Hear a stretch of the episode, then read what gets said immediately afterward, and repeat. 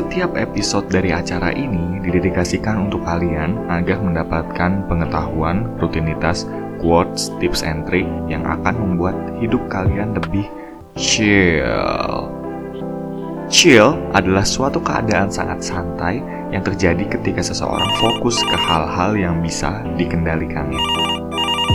Whoops. Halo? Hello, boys and girls, ladies and gentlemen. Welcome back to Chill Boy Show with me, the one and only Ambras Widira Putra, bersama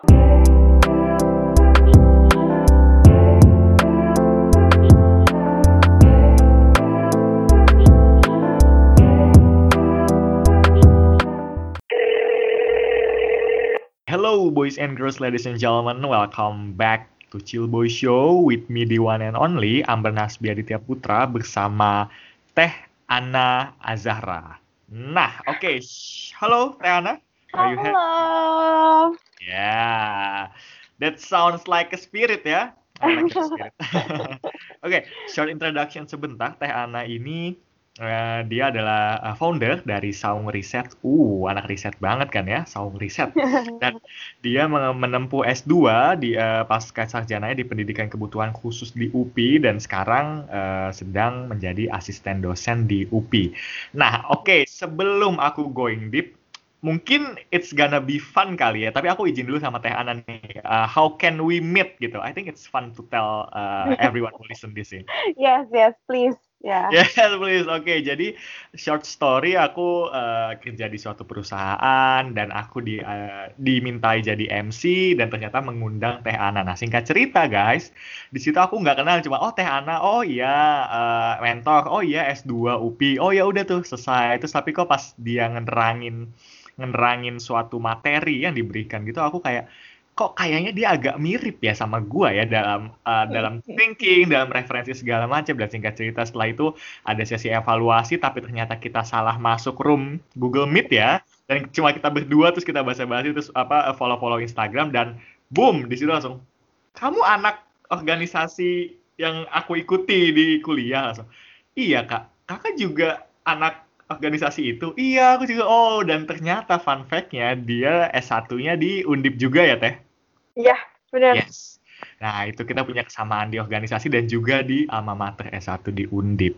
Dan yang menariknya, dia ini kayak OG-nya organisasiku dulu gitu loh. Original, maksudnya kayak funding mother, funding father-nya gitu loh. Kayak dia tuh, apa ya, senior yang ngebuat organisasi ini tuh begitu luar biasa di uh, sekarang. Ya, yeah, that's that's that's really fun sih for me ya. Ya dan di sini malam ini aku pengen ngebahas topik yang judulnya itu adalah hmm, akademisi ya. Ya kenapa akademisi? Oh. Karena ya wow. karena gini.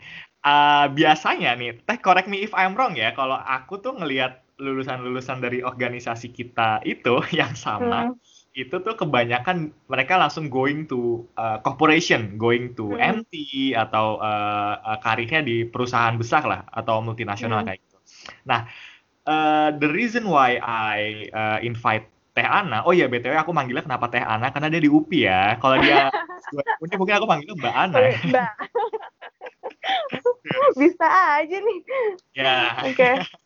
Nah, jadi uh, alumni yang organisasi kita itu kan kebanyakan di corporate dan aku nge pas ngelihat Mbak Teh Ana, ngeliat Teh Ana ini uh, kok uh, apa ya menarik aja gitu loh ketika aku lihat kayak wow, I think this is gonna be unique uh, unique experience sih ketika ngelihat hmm. alumni dari organisasi yang sama kita itu bukannya me, apa ya mengejar karir di perusahaan multinasional like usual tapi memilih untuk uh, shifting ke dunia pendidikan di uh, tadi kayak gitu. Nah, uh, itu sih pertanyaanku untuk ngebuka sesi kita ini ya. Uh, why shifting direction? Oke. Okay. Jadi uh, alasan utama aku kenapa aku shifting ke pendidikan. Jadi yang pertama adalah karena sebenarnya satu ta eh dua tahun sebelum aku memutuskan untuk sekolah lagi melanjutkan ke pendidikan master itu dan masternya pendidikan kan. Jadi uh, aku tuh punya role sebagai human resource atau emang kegiatan aku banyak di training, banyak di education, uh, termasuk juga acquisition, uh, recruitment kayak gitu-gitu. Nah, cuman waktu aku ngelihat, eh, aku kok jadi cinta banget ya sama yang uh, ngajar, teaching, training, buat session, learning design. Terus aku mikirnya adalah, um, ah, jangan disia-sia ini, gitu kan. Terus akhirnya aku milih untuk ke pendidikan, karena menurut aku uh, kayaknya ini bisa jadi angin segar nih gitu untuk uh, gimana caranya mendesain pembelajaran tuh jauh lebih menyenangkan apalagi di, di tingkat universitas gitu jadi aku mikirnya wah seru nih kayaknya dan akhirnya aku memutuskan untuk yaudah akhirnya terjun ke uh, sekolah lagi untuk mengambil master di pendidikan uh, dan akhirnya jadi makin tertantang sih karena uh hmm. ternyata uh ternyata sesusah ini ya gitu. Sesusah ini untuk merubah suatu culture susah ini untuk merubah kayak suatu kebiasaan. Tapi menurut aku tuh jadi tantangan dan akhirnya aku, aku menilai bahwa ketika banyak tantangannya pasti aku bakal belajar banyak gitu. Akhirnya apa ya satu hal sih uh, aku juga bisa jadi apa ya point view lain dari teman-teman aku yang kalau tadi kan Kak Amran bilangnya kebanyakan orang-orang yang udah lulus udah lulus dalam tanda kutip di organisasi kita itu kebanyakan memang dia jatuhnya ke corporate atau jatuhnya dia mungkin startup atau ya ya sesuai dengan ini mereka. Tapi menurut aku ketika aku di dunia pendidikan mungkin bisa jadi salah satu angin segar dan juga bisa perspektif yang berbeda. Jadi kalau ngobrol tuh nggak yang sama tapi aku beda nih gitu. Seru aja gitu. Ah I see. Berarti I think uh, yang bisa aku rangkum itu adalah kayak karena Teh Ana uh, di posisi yang hu seperti human resource itu ya di organisasi mm. itu. Tapi kayak kita harus tahan ya untuk nggak nyebut yeah. nama itu ya. Karena kita, aduh gimana ya? Karena aku juga sebut gak ya? Sebut gak ya? Sebut gak ya? Boleh nggak ya? Karena kemarin aku juga ngundang seseorang dari organisasi yang itu juga dan kita tuh kayak yeah. nge apa ya nge ngesensor namanya tapi kita menunjukkan value-nya, striving for oh. excellence kayak gitu jadi. Okay, Orang udah pasti tahu ini apa gitu. Iya iya. Nah makanya, maksudnya uh, it's jadi karena di human resource study dan karena ada mengajar ya, uh, mengajar dan membuat materi seperti itu ya training kayak gitu. Jadi itu hmm. yang membuat uh, Mbak Ana Teh Ana, sorry, shifting shifting ke uh, pendidikan ya. Tapi yang yang menarik kalau misalnya pendidikan gitu, kenapa milih di pendidikan uh, kebutuhan khusus, Mbak? Oke, okay. jadi aku tuh anaknya uh, suka banget tantangan sebenarnya. Jadi, huh. jadi sebenarnya uh, kebanyakan dari keluarga aku tuh pendidik. Jadi memang antara dosen, guru gitu kan. Uh, dan waktu aku ngelihat bahwa aku punya passion di teaching, dan aku suka gitu ngajarin orang gitu kan dan juga designing semua uh, pembelajarannya mereka. Terus aku jadi mikir hmm area apa ya yang memang belum ada di keluarga aku sebagai pendidik gitu kan? Terus waktu itu sempat kepikiran ah sempat ngelis gitu kan. Nah salah satunya ngelisnya adalah pendidikan khusus Nah pas aku lihat di pendidikan khusus itu, aku agak deg-degan dan takut kan. Aduh gimana nih kalau gue berhadapan sama anak-anak yang kayak gini gitu kan. Aduh aku harus kayak gimana nih. Nah karena takut itulah akhirnya aku kayak, oh karena aku takut, oke okay, aku harus maju gitu. Jadi aku harus melawan rasa takut itu untuk tahu apa sih yang pengen aku dap yang bisa aku dapetin dari uh, belajar di situ gitu. Dan akhirnya ya udah akhirnya aku masuk dan terjun ke itu pendidikan khusus itu dan ternyata menantang dan menarik sebenarnya. Hmm, ya yeah, that's really unique sih for me ya karena aku juga bela satu belajar psikologi kan alhamdulillah udah lulus mm. ya satunya. Nah, terus uh, ketika ngelihat anak nih jujur mungkin beberapa yang dengerin podcastku udah apal ya kalau aku tuh kalau aku ngelihat anak aku masih di, di fase di mana aku mau nge-smackdown anak itu gitu loh. Kalau aku ya, kalau aku ya. Iya, nah makanya maksudnya ya pasti aku yakin aku akan berubah tapi nggak tahu apa uh, change life mau life changing ya changing momennya hmm. gimana nah itu sih yang menarik ketika ngomongin anak apalagi berkebutuhan khusus ya itu yeah, suatu yeah. treatment yang ya anak biasa aja udah sulit udah sulit hmm. gitu ya hmm. gimana yang berkebutuhan khusus gitu benar benar aku lupa aku mau nambahin sedikit deh kak hmm. uh, jadi uh, jadi kan waktu aku kan sempat kerja di Malaysia dulu kan sebelum pulang oh ya yeah. Damn. Yeah. jadi waktu itu tuh ulang tahun aku ceritanya ini salah satu nge-trigger sih salah satu nge-trigger kenapa akhirnya si pendidikan khusus itu ber, untuk anak-anak berkebutuhan khusus itu masuk ke list aku. Jadi uh, waktu aku ulang tahun itu uh, aku kan ngerayainnya ke panti asuhan. Di panti asuhan itu panti asuhan memang anak-anak berkebutuhan khusus, jadi kayak anak cacat-cacat gitu. Kalau di ini mereka ya di Malaysia tulisannya kan anak cacat dan apa gitu. Jadi panti asuhan gitu. Terus habis itu aku ke sana. Niat aku tuh cuman kayak oh aku mau berbagi aja nih gitu kan. Aku punya rezeki, aku mau berbagi sama mereka dan udah uh, setengah hari itu gitu kan sama tim aku waktu itu terus aku abis ngobrol-ngobrol sama yang punya panti terus abis itu sambil ngeliat anak-anaknya kan. Nah nggak lama tuh temen aku tuh ngobrol berdua di pojokan terus aku samperin kan. Hmm. terus mereka tuh bilang um, aku tuh uh, aku tuh nggak pernah tahu gimana caranya berinteraksi sama orang-orang berkebutuhan khusus. Mereka bilang kayak gitu. Kalau aku kalau aku tahu gimana caranya mungkin eh gini intinya adalah aku eh sebelum aku ke panti ini aku sebenarnya harusnya diedukasi dulu. Jadi mereka tuh nggak yang kaku uh, bingung harus kayak gimana gitu kan. Terus tiba-tiba nanti ada anak yang jenis apa mereka juga nggak tahu kan harus digimanain harus seperti apa gitu. So aku jadi ke, ke trigger aja pas di situ. Jadi kayak ah gimana ya caranya? Sebenarnya banyak orang di luar sana yang sebenarnya nggak tahu bagaimana cara berinteraksi dengan anak-anak berkebutuhan khusus. Hmm. nah itulah sebenarnya jadi jadi kayak trigger awalnya. Cuman aku nggak ngeh sampai akhirnya aku membuat list itu aku mau kuliah apa sih gitu gitu. Hmm, oh iya, itu sih makanya sih penasaran sih kayak ketik kenapa sih uh, Teh Ana tuh berkebu uh, uh, itu berarti uh, ini ya uh, specialty dalam S2 nggak sih kebutuhan khusus iya, itu? Iya, iya benar. Specialty ya. Nah ya jadi pasti kalau yang aku tahu ya kalau S2 kan nggak nggak nggak boleh bercanda ya, nggak kayak S1 itu kan susah banget ya. S1 boleh bercanda. ya maksudnya S1 tuh masih bisa menurutku ya sorry trigger warning guys S, eh, S1 tuh masih bisa nugas di coffee shop tapi yang nggak nugas mm. ngobrol aja sama temen gitu kalau aku ya mandang tapi kalau S2 tuh udah bayar mahal terus tesisnya susah ya nggak sih uh, uh, maksudnya ya kalau aku sih mikir kayak gitu makanya uh. orang yang terjun di S2 itu berarti mereka udah emang there's no playing around gitu loh. Ya udah hmm. mereka emang fokus kan. Pasti ada suatu motivasi internal yang uh, memang mendorong mereka untuk menekuni bidang tersebut gitu loh. Ya. Nah, itu sih yang yang aku penasaran sih. Uh, yang yang aku pengen coba gali sih dari Tehana tuh karena menurutku hmm. itu suatu hal yang menarik banget untuk dibagikan ke orang-orang gitu. Nah, anyway, uh, shifting lagi. Tadi hmm. uh, itu sempet bilang yang uh, ngelis ngelis ya, ya. Uh, apa ya uh, jurusan kuliah untuk S2 ya itu tuh hmm. aku penasaran sih biasanya nih ya kalau anak organisasi kita yang sama itu mereka tuh banyak hacking hacking gitu loh kayak start uh. with why apa segala macam nah itu sebenarnya exercise seperti apa sih yang Teh Ana lakuin dan yang ngelis jurusan-jurusan Oke okay. Gitu? kalau aku sih waktu aku nulis itu uh, jadi aku pakai ada framework yang aku pakai sebenarnya. Jadi um, aku tuh pakai frameworknya punya Mind Valley. Karena kan aku ah. memang ikut ikut ini mereka kan ikut apa namanya kayak master kelas mereka. Jadi emang banyak banget resources resources resources yang bagus yang bisa digunakan.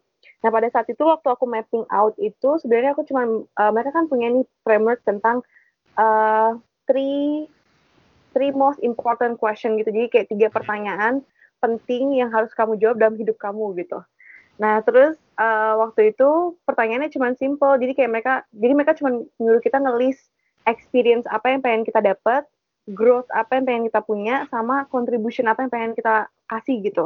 Hmm. Nah, jadi waktu itu akhirnya aku waktu aku nulis itu dan mapping out itu sebenarnya mulai ketemunya waktu di uh, contribution itu. Jadi apa sih hal yang ingin aku kontribusikan gitu? Karena kan waktu itu posisinya aku masih mapping outnya di mapping outnya kan di Malaysia. Jadi hmm. kayak itu udah pengen pulang gitu ke Indonesia kayak oh Indonesia is calling gitu.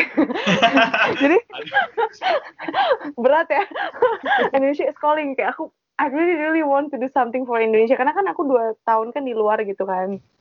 Nah, jadi akhirnya uh, pas lagi mau tulis contribution itu ya udah dengan contribution dan growth yang aku punya uh, skill yang aku punya apa sih yang pengen aku kontribusikan gitu nah saat itulah muncul um, list tentang uh, sekolah lagi gitu. Aku juga mempertanyakan emang emang harus sekolah lagi ya gitu. Hmm. Uh, terus habis itu uh, bisa nggak sih caranya kalau memang kamu mau terjun dan berkontribusi untuk hal ini, kamu bisa nggak harus sekolah lo nggak harus S2 gitu. Ternyata tapi waktu aku tanya lagi, aku tanya lagi kan aku nanya sampai kayak lima kali why why why why why gitu kan. Dan uh. memang harus Uh, jadi kayak kan ada tuh framework yang nanya yep, why, yep, yep, why, why, why sampai lima kali kan. Dan itu memang harus jawabannya adalah kuliah lagi gitu saat itu. Emang karena aku butuh exposure langsung kan dan ada di universitas lebih cepat uh, apa namanya lebih cepat untuk knowledge-nya, lebih cepat untuk networking-nya, lebih cepat untuk uh, tadi kayak misalkan artikel ya jurnalnya jadi lebih banyak uh, apa ya exposure yang memang aku bisa dapetin gitu dan aku ini kan hal yang baru kan waktu aku S1 kan aku sastra Inggris jadi hmm. itu jamnya tuh berbeda jam yang beda yes. banget dari yang dari yang apa sih dari yang uh, murni sastra ke pindah ke pendidikan yang itu udah pendidikan khusus jadi menurut aku ya udah di sini saatnya aku belajar lagi gitu. Hmm iya sih jumpingnya itu sih yang pas aku dengar kenalnya hah lu sastra Inggris tuh sekarang pendidikan kayak buset lu dulu baca buku terus nih ya gak sih? Ya, baca novel ya. baca novel yes baca novel baca Shakespeare maybe terus yes langsung, yes sekarang udah langsung berinteraksi gitu ya kesehariannya sama hmm. anak-anak gitu wow that's really jumping amazing sih nah apa yang tadi uh, oh ya buat yang tadi Mbak Ana Teh Ana jelasin yang main Valley tadi aku kata rollingnya di show notes buat yang penasaran. Nah, tapi ada ketika Mbak Ana, Teh Ana ngejelasin itu aku jadi sometimes uh, some something pops up in my mind sih. Hmm. Apakah hmm. itu sama dengan ikigai? Apa pernah dengar? Ya, pernah dengar. Hmm, apakah sama kayak gitu atau itu sebenarnya konsep yang beda? Aku nggak tahu. Kayaknya konsepnya beda deh. Kalau ikigai kan dia ada banyak irisan-irisan gitu kan. Yes, ya, ya, ya. Uh, banyak kan irisan-irisan itu. Kalau di experience growth dan contribution itu, uh, dia nggak beririsan kalau dari segi gambar, tapi dia kayak ngelis semua gitu loh soalnya kan kalau ikigai kan akhirnya dia menemukan di tengah-tengah gitu kan. Yep. akhirnya akhirnya inilah passion gitu kan. What is like the, this is i, i, tengahnya gitu kan irisannya keluar semua dari yang dari yang irisan masing-masing itu. Nah cuman kalau di yang three most biggest eh three most important question itu mereka cuma ngelis aja jadi tuh kayak bucket list gitu loh. Ah. bucket list yang uh, misalkan kamu pengen dapat experience apa misalkan uh, tahun ini aku targetnya adalah misalkan punya experience yang um, pengen jadi pengen punya podcast misalkan. Uh, experience aku kayak gitu. Atau misalkan atau misalkan podcast itu sebagai contribution karena aku aku suka nih gitu. Jadi tapi nggak ada irisan yang menentukan dia akan ke mana gitu. Mm-hmm. kalau yang yes, yes, yes. tapi konsepnya agak beda sih cuman kalau itu lebih ke list list aja. Nah makanya dari situ punya list list hmm ya yeah, karena I was thinking kayak Oh, apa apa jangan jangan-jangan sama kayak Kigai, tapi ya mungkin nanti akan kita dalamin aja. Jadi nanti ya. yang dengerin nih misalkan tadi uh, Mind Valley Three Most Important Question Ikigai itu apa? Itu akan aku taruh linknya di show notes buat kalian baca lagi. Dan yang tadi yang lima yang Y itu kayak kalau nggak salah ya, correct me if I'm wrong, itu kayak metodenya 5 Y apa Y led yeah. Y ladder ya, aku lupa. Jadi kayak uh-huh. itu kayak ngebayangin diri kita jadi kayak anak kecil gitu loh. Contoh misalkan kalau sama orang tua nih kan, uh, ayah kalau anak kecil nih biasanya nih, ayah eh harusnya Mbak Teh Ana yang tahu anak kecil kayak gimana ya, aku cuma so tau doang. uh, ya kenapa langit itu biru? Uh, terus oh karena gini-gini. Terus kenapa gini-gini? Why why why why terus kadang-kadang bikin kesel gitu kan. Tapi ya itu emang suatu proses yang apa ya yang memang kita harus apa ya bertanya dengan diri kita sendiri kali ya. Kalau ini sih yang yang aku penasaran sih karena ngedengar dari Teh Ana juga kayak Teh Ana nih orangnya kayak kayaknya ya aku asumsikan ya kayak senang banget nih explore tapi diri sendiri gitu. Internalnya hmm. suka dieksplor gitu. Nah aku penasaran gini sih uh, how can you find a time untuk uh, explore diri sendiri atau refleksi diri sendiri? Karena yang aku lihat di di zaman kita sekarang ya menurutku adalah susah gitu loh untuk nyari uh, nyari waktu buat diri sendiri.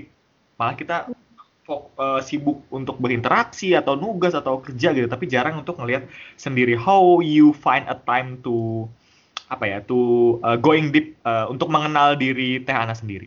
Hmm, oke. Okay. Jadi kalau aku tuh sebenarnya karena kan awalnya mungkin aku juga sama kayak orang-orang ya uh, sibuk gitu kan. Saya nggak punya waktu buat uh, refleksi. Jadi kayak tiba-tiba udah hilang aja pengalamannya. Oh gitu udah selesai ya. Gitu.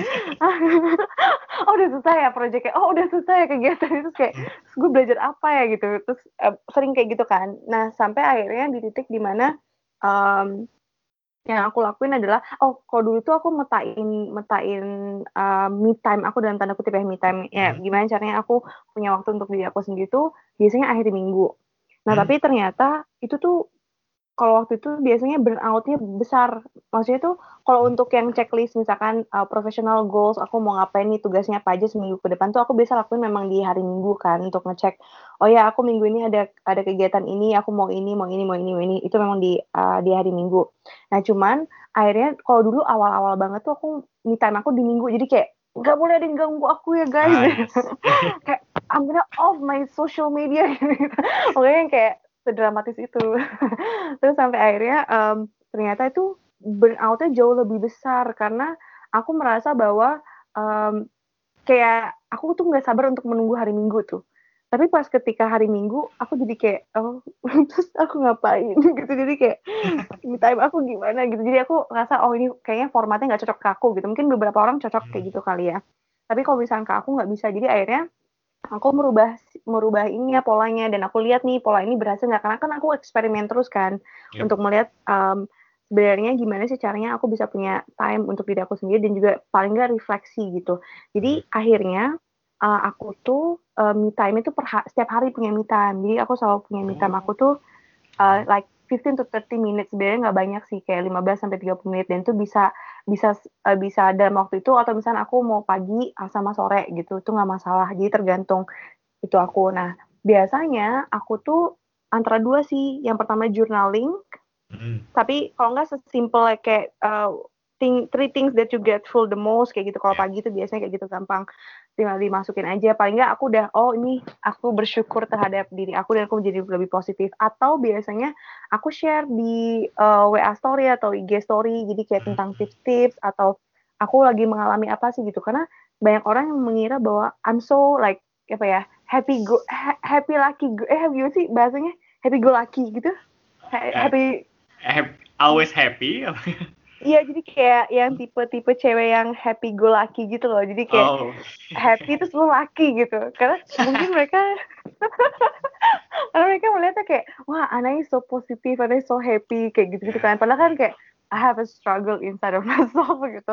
Ada kayak dengan sharing-sharing itu aku menjadi lebih vulnerable ya, lebih kayak menunjukkan sisi siap manusiawi aku gitu dan menurut aku itu face itu yang aku gunakan sebagai me time aku gitu dan kadang ya itu sih hal-hal simple kayak gitu story Hmm. ya paling nggak dari dari dari apa ya dari me time aku refleksi aku tuh aku pengen juga bisa menginspirasi orang gitu paling sih kayak gitu kan kan Hmm, ya, wow. Aku, aku aku bisa lihat tuh ketika orang kayak ngemandang diri kita gitu kayak, wah Hmm. gila positif banget nih orang. Oh gila apa ini banget. Tapi sebenarnya ya kita apa ya? Emang pasti everyone have has their struggle gitu loh ya Iya. kan. Tapi, tapi aku, aku juga juga menarik juga sih kalau ngomongin orang yang positif gitu ya. Maksudnya kayak menurutku pribadi ya, aku aku nggak nggak tahu sih eh, Teh Ana pandangan gimana. Cuma menurutku ketika aku aku sendiri ketika aku complaining di media sosial itu menurutku bukan hal yang baik gitu loh. Kayak itu bakal Mm. contagious apa ya? Bakal contagious itu apa sih bahasa Indonesia? Eh, mempengaruhi orang lain mempengaruhi atau ya apa ya? Itulah pokoknya mempengaruhi lah ya. Aduh, ini kebanyakan di organisasi itu ya. Jadi ngomongnya Bahasa- campur Indonesia bahasa Inggris gitu ya. Sorry guys maaf.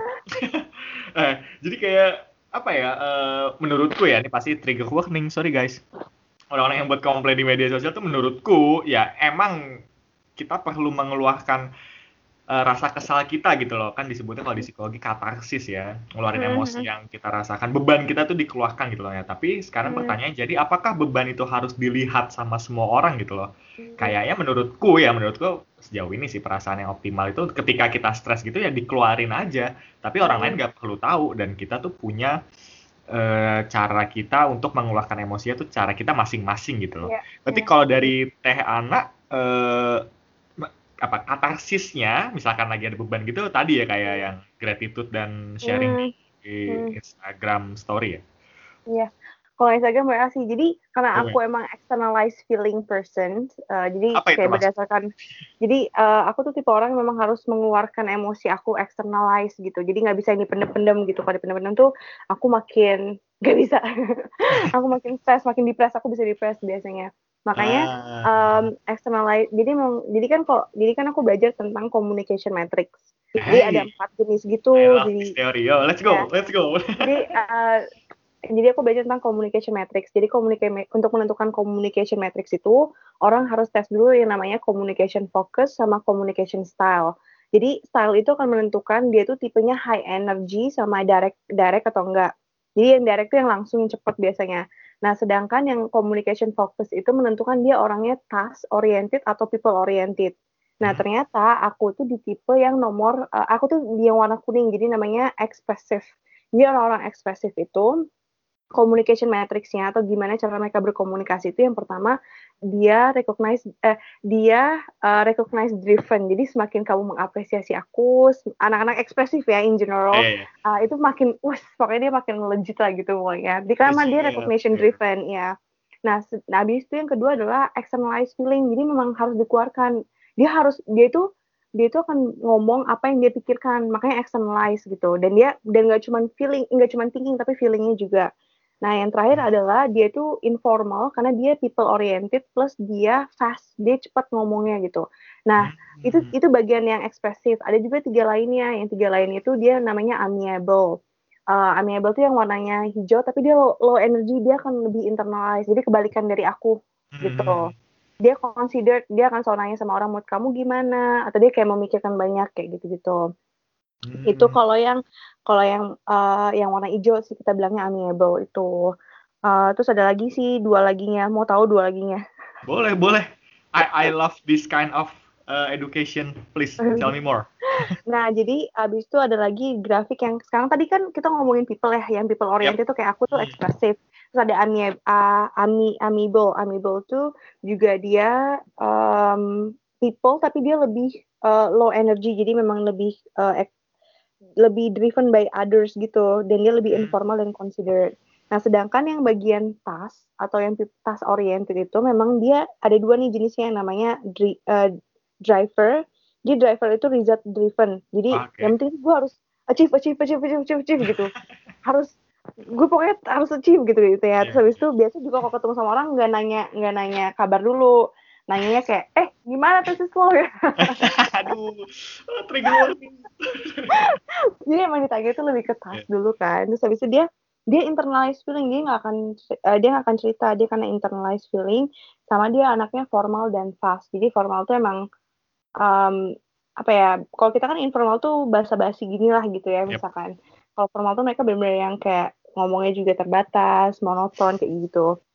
Um, Nah, sedangkan berikut itu adalah uh, analitik. Jadi analitik itu ah. dia accurate uh, accurate driven. Jadi dia akan memperhitungkan sedetail mungkin ini kayak ah. gimana gitu pokoknya dalam decision making dalam apa pun di hidup itu dia lebih dia akan memikirkan banyak hal dia nggak banyak ngomong kalau uh, kalau misalkan analitik tapi sekali dia ngomong itu accurate wah uh. yang kita nggak pikirin tuh dia ngomong sedangkan kalau ekspresif itu kan dia ini kan kayak yang apa namanya um, ngomong aja gitu ngomong-ngomong aja pada pikiran dia gitu. Nah yang terakhir dia juga anaknya formal sama considerate gitu. Jadi emang tipe-tipe yang um, yang itu yang apa namanya yang uh, pendiam biasanya di di analitik itu. Tapi sekali ngomong tuh kadang sering ketemu kan yang dia sekali ngomong tuh kayak tuh orang tuh kayak oh iya benar-benar yeah. nah kayak gitu tiba-tiba analitik ya itu sih kira-kira itu uh, communication matrix, matrix gitu okay. uh, hmm. boleh tahu mungkin apakah ada nama tokohnya gitu biar aku gampang nyarinya nanti oh, di dia communication, communication matrix ini kan aku dapetnya waktu di training jadi waktu training team uh, gitu Nah, okay. uh, kalau misalkan trainernya sih bilangnya dia dapetnya dia kayak membaca buku si uh, judulnya Quiet tentang introvert gitu tapi saya pernah tahu ya I think I think nah, uh, yeah. quiet nah okay. jadi si uh, buku dari buku quiet itulah karena dia lagi ngomongin tentang introvert akhirnya mereka kayak um, membahas banyak mengupas banyak tentang sebenarnya ketika kita ngomongin communication itu uh, gimana sih orang-orang itu gitu. Jadi communication matrix tuh menentukan dari communication focus dan communication style mereka gitu. Hmm, wow, that's really interesting. Buat kalian yang mau mendalami nanti akan aku taruh linknya di show notes ya. Ini juga pengetahuan baru sih buatku. Quiet. Nah ini sih ngomongin quiet, ngomongin introvert. Kalau aku ya coba aku aku pengen hmm. tahu uh, pendapat Teh Ana aja sih. Hmm. Kalau aku ngeliat somehow ya, somehow di zaman di sekarang nih sekarang kok kayak introvert sangat diagung-agungkan ketimbang ekstrovert gitu loh. Kenapa aku bilang kayak gitu? Karena hmm. kalau aku lihat di uh, Gramedia ya, buku tuh pasti kekuatan introvert ya kan, cara uh, introvert pokoknya tentang introvert semua gitu. Tapi nggak ada yang ekstrovert gitu loh. Jadi kayak sekarang uh, apa ya uh, lebih uh, introvert tuh jadi suatu hal yang keren, suatu hal yang harus jadi introvert supaya jadi leader gitu mungkin atau suatu hal yang uh, kita cen jadi mengagung-agungkan introvert gitu loh. Oh, what what do you think about perbedaan antara extrovert dan introvert? Oke, okay. jadi sebenarnya extrovert dan introvert itu kan perbedaannya hanya di segi energinya. Itu baik yang extrovert pun menurut aku dia punya sisi introvert, di mana kayak yep. misalkan tadi aku aku extrovert nih, extrovert banget gitu. Oh parah, Tapi- oh ya, parah. parah ya. Tapi aku punya sisi memang aku butuh untuk uh, di energi aku gitu kayak tadi gratitude dan lain-lain. Nah, sedangkan kebalikan extrovert eh, introvert juga gitu kan. Mereka menyerap energinya uh, dengan mereka memastikan dulu bahwa it's safe for them gitu. Baru mereka bisa out gitu kan. Tapi mereka juga punya punya kapasitas dan punya borderline biasanya. Jadi kayak punya limit gitu. Nah, kalau dari aku sebenarnya case ini itu uh, masalahnya itu dulu kita pernah bahas. Jadi sebenarnya yang dulu justru di tahun berapa ya? 2017 2018 tuh extrovert itu kan sesuatu yang um, di di apa di spot on gitu loh. Karena Yep. kebanyakan orang itu hmm, karena kalau extrovert kan dia juga cepet ya. Cepet tuh dalam arti dia itu akan bicara apa yang dia pikirkan Hmm. gitu kan. Sedangkan kalau introvert itu dia harus di trigger dan juga kalau dari trigger pun belum tentu mau ngomong ya kan. Karena mereka punya banyak consideration gitu dan itu is their own their own privacy gitu nah waktu Hmm. aku dan tim aku ngomongin soal itu sebenarnya kenapa muncul kayak misalkan buku quiet Hmm. itu tuh sebenarnya karena banyak orang di luar sana yang introvert introvert itu mereka nggak speaking out nggak speak up Hmm. gitu loh beda sama orang-orang yang extrovert karena extrovert itu mereka berani mereka berani untuk menyuarakan apa yang ada di pikiran mereka gitu tapi sedangkan kalau introvert itu mereka nggak nggak punya kapa mereka punya kapasitas tapi mereka menunggu momen. Dan itu selalu ditunggu momennya itu. Hmm. jadi di tim aku itu nggak semuanya extrovert. Di tim aku juga ada yang, uh, introvert ya kan? Nah jadi caranya adalah gimana caranya orang-orang introvert ini biar ngomong dulu. Karena kalau misalnya orang extrovert ngomong yaudah orang introvert tuh nggak akan ngomong. Kayak udah terwakili aja gitu loh. Nah jadi Iya, iya. makanya jadi makanya kenapa mungkin sekarang banyak banget uh, referensi-referensi atau buku-buku atau entah buku entah referensi entah mungkin uh, trennya gitu kan orang-orang yang introvert tuh sekarang tuh lagi di up gitu untuk biar Hmm. gimana caranya orang-orang tuh juga mulai speaking up. Nah makanya pun kalau misalnya kita meeting, kalau kita meeting kita selalu ngasih namanya thinking time. Jadi nggak bo- misalnya ada pertanyaan nih, "Eh, hari ini mau makan apa? Nah kan kalau anak-anak itu kan eh, udah tahu kan mau makan apa gitu ya atau eh, makan apa terlalu susah atau misalkan hari ini mau buat ekstrovert juga kadang susah itu. Misalkan mau ngomongin tentang uh, project menurut kamu gimana nih ada project A? Misalnya kita mau ngeluarin dana sekian. Hmm. nah uh, kita selalu punya thinking time dulu kita nggak langsung ngomong. Nah terus ketika kita thinking time itu kita semua nulis. Jadi nulis di buku gitu loh apa yang kamu pikirkan tentang project ini. Kalau misalnya budgetnya misalkan segini kita nulis semuanya. Nah setelah kita nulis yang diminta ngomong duluan yang diminta, yang diminta sharing duluan bukan yang extrovert tapi yang introvert Hmm. jadi introvert itu diminta dulu untuk speaking up. Apa Iya. yang ada di kepala mereka, apa yang di apa ide mereka terhadap itu gitu. Nah, itu baru nanti setelah introvert udah kelar, baru extrovert masuk. Itu selalu kayak gitu, gitu. Wow, iya, iya. Itu. Hmm. Dan kalau pas waktu aku training, eh, waktu aku seminar gitu kan aku buat conference kan, jadi sering, sering banget tuh jadi agenda manager gitu. Nah, jadi kita tuh Agenda selalu di manager. akhir Iya, agenda manager. jadi ah, kita tuh selalu eh, punya yang namanya reflection time kan. Jadi kalau di Yeah. akhir-akhir sesi itu selalu kayak eh, oke debrief gitu bahasa bahasa bahasa apa eh, bahasa kerennya adalah debrief bahasa organisasinya debrief. Nah, jadi ketika debrief itu, ketika kita udah debrief kan habis itu mereka ada reflection kan. Nah, karena kita tahu kita punya dua elemen ini introvert dan extrovert, akhirnya kalau extrovert kita buat mereka sharing. Karena mereka suka ngomong. jadi mereka harus cari pasangan aja gitu. Sedangkan kalau Oke. introvert tuh nggak apa yang kita lakuin sama mereka. Kita Hmm. kasih kertas sama krayon dan lain-lain. Silakan.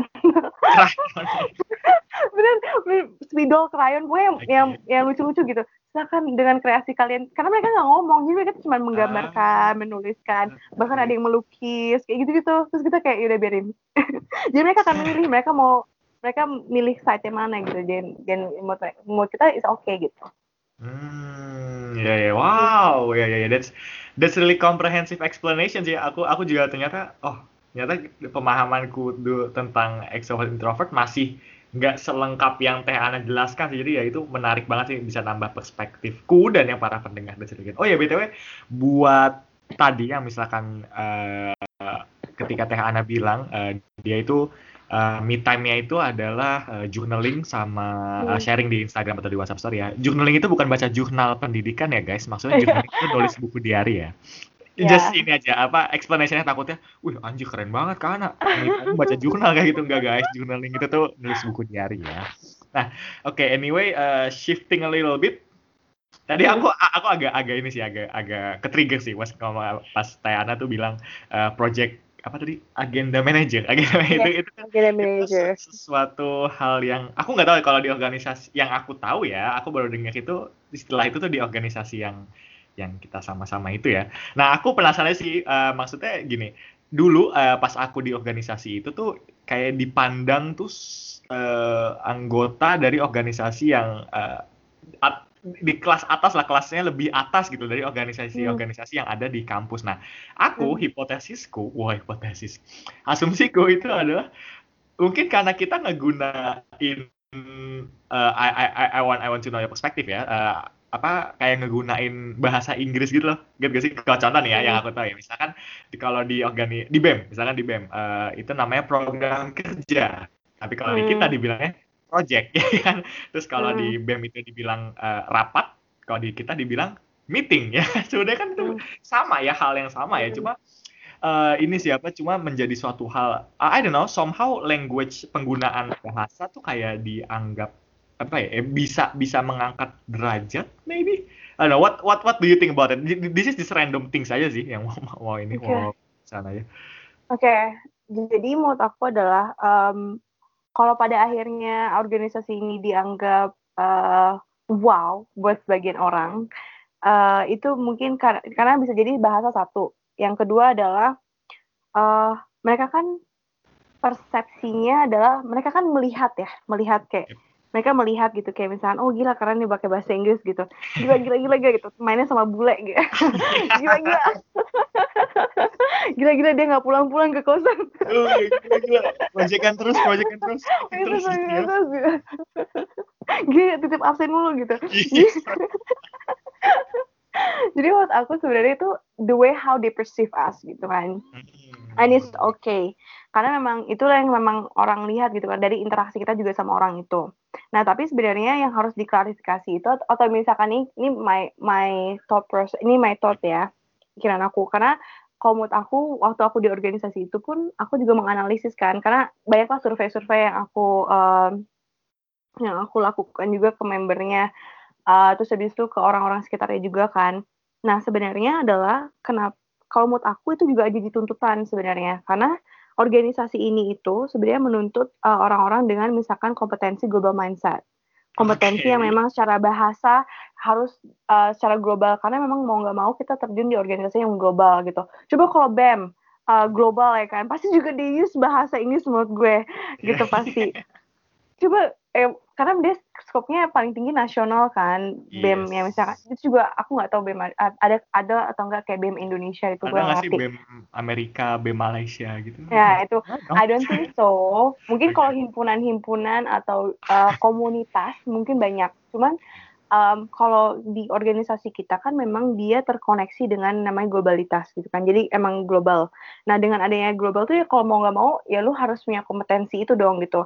Dan Yep. menurut aku ketika aku di HR-nya um, organisasi itu pun bahasa Inggris menjadi salah satu syarat kan untuk berkomunikasi secara um, secara apa ya secara secara global eh secara ya secara basicnya lah gitu. At least tuh bisa bahasa Inggris. Karena memang ada materi-materi yang harus di deliver pakai bahasa Inggris. Yes. Ada konten-konten yang emang harus bahasa Inggris. Ada ada interaksi eh, yang lu harus lakukan dengan orang luar dan itu membutuhkan skill dari bahasa Inggris. Dan pasti ketika kamu keterima pemetaannya kamu ke dalam eh, apa ya divisi-divisi kamu juga menjadi pertimbangan kan banyak pertimbangan gitu.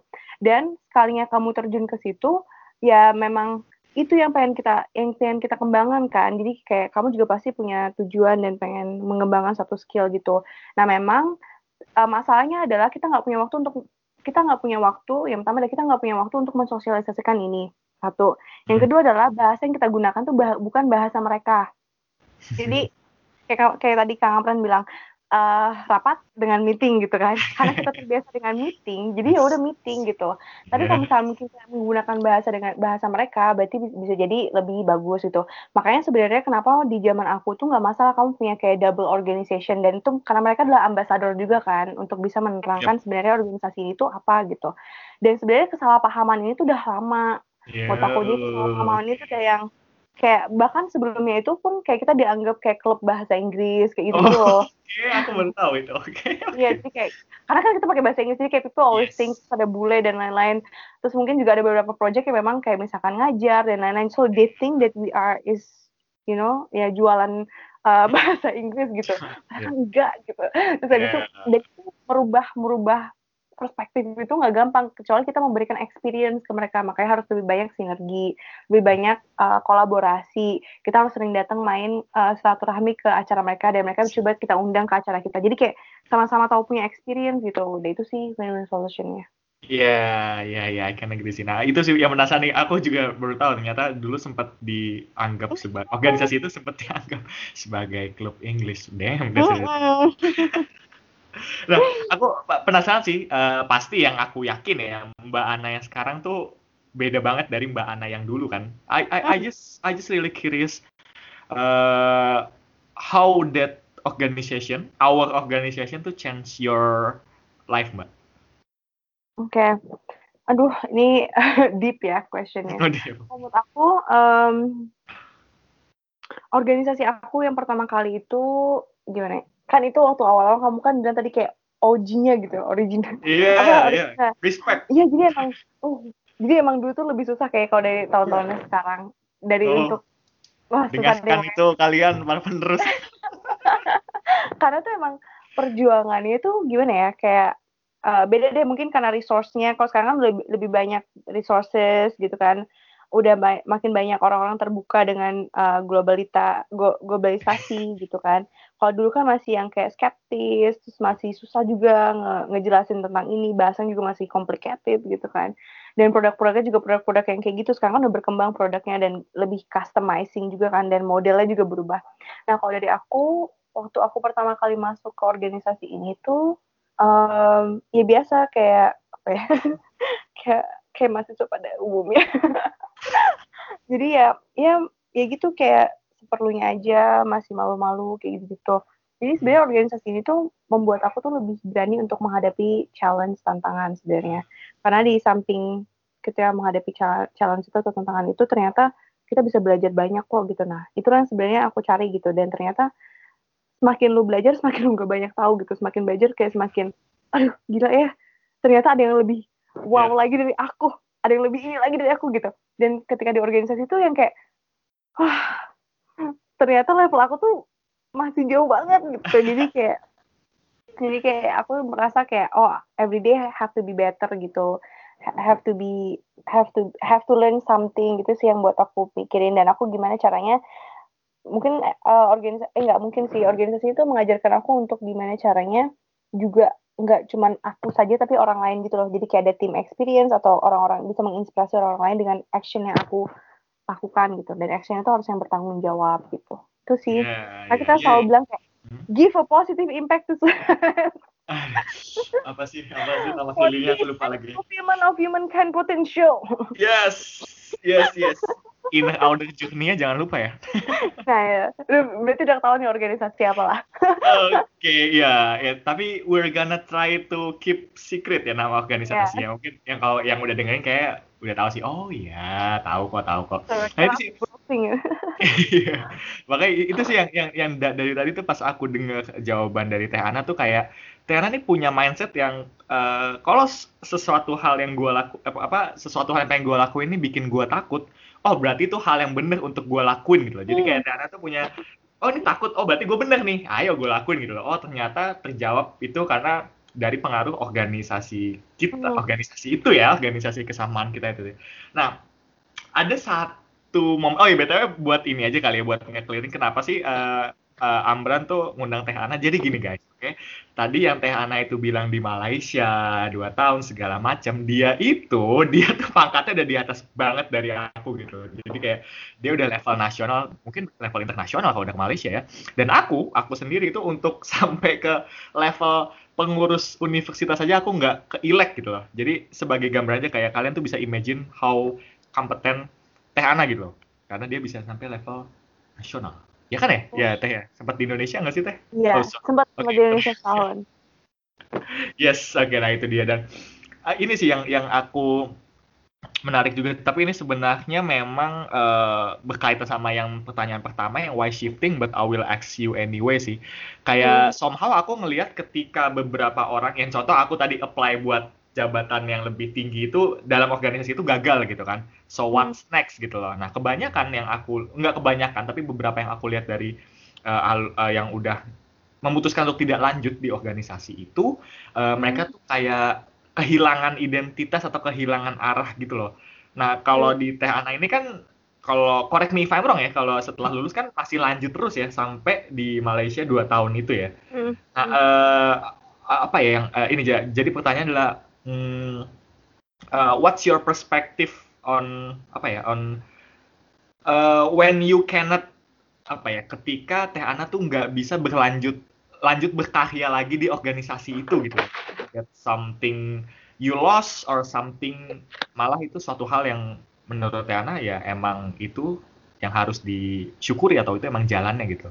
Get gak pertanyaannya? Agak complicated ya Jadi intinya kalau pas uh, aku memutuskan untuk out dari organization itu, aku gimana gitu ya prosesnya? Yes, yes, yes, yes, yes, yes, yeah, yeah.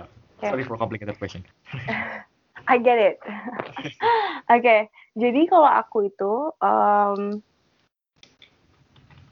gimana ya? Yang jadi pas aku udah, jadi pas langsung aja akhir kali ya. Mm.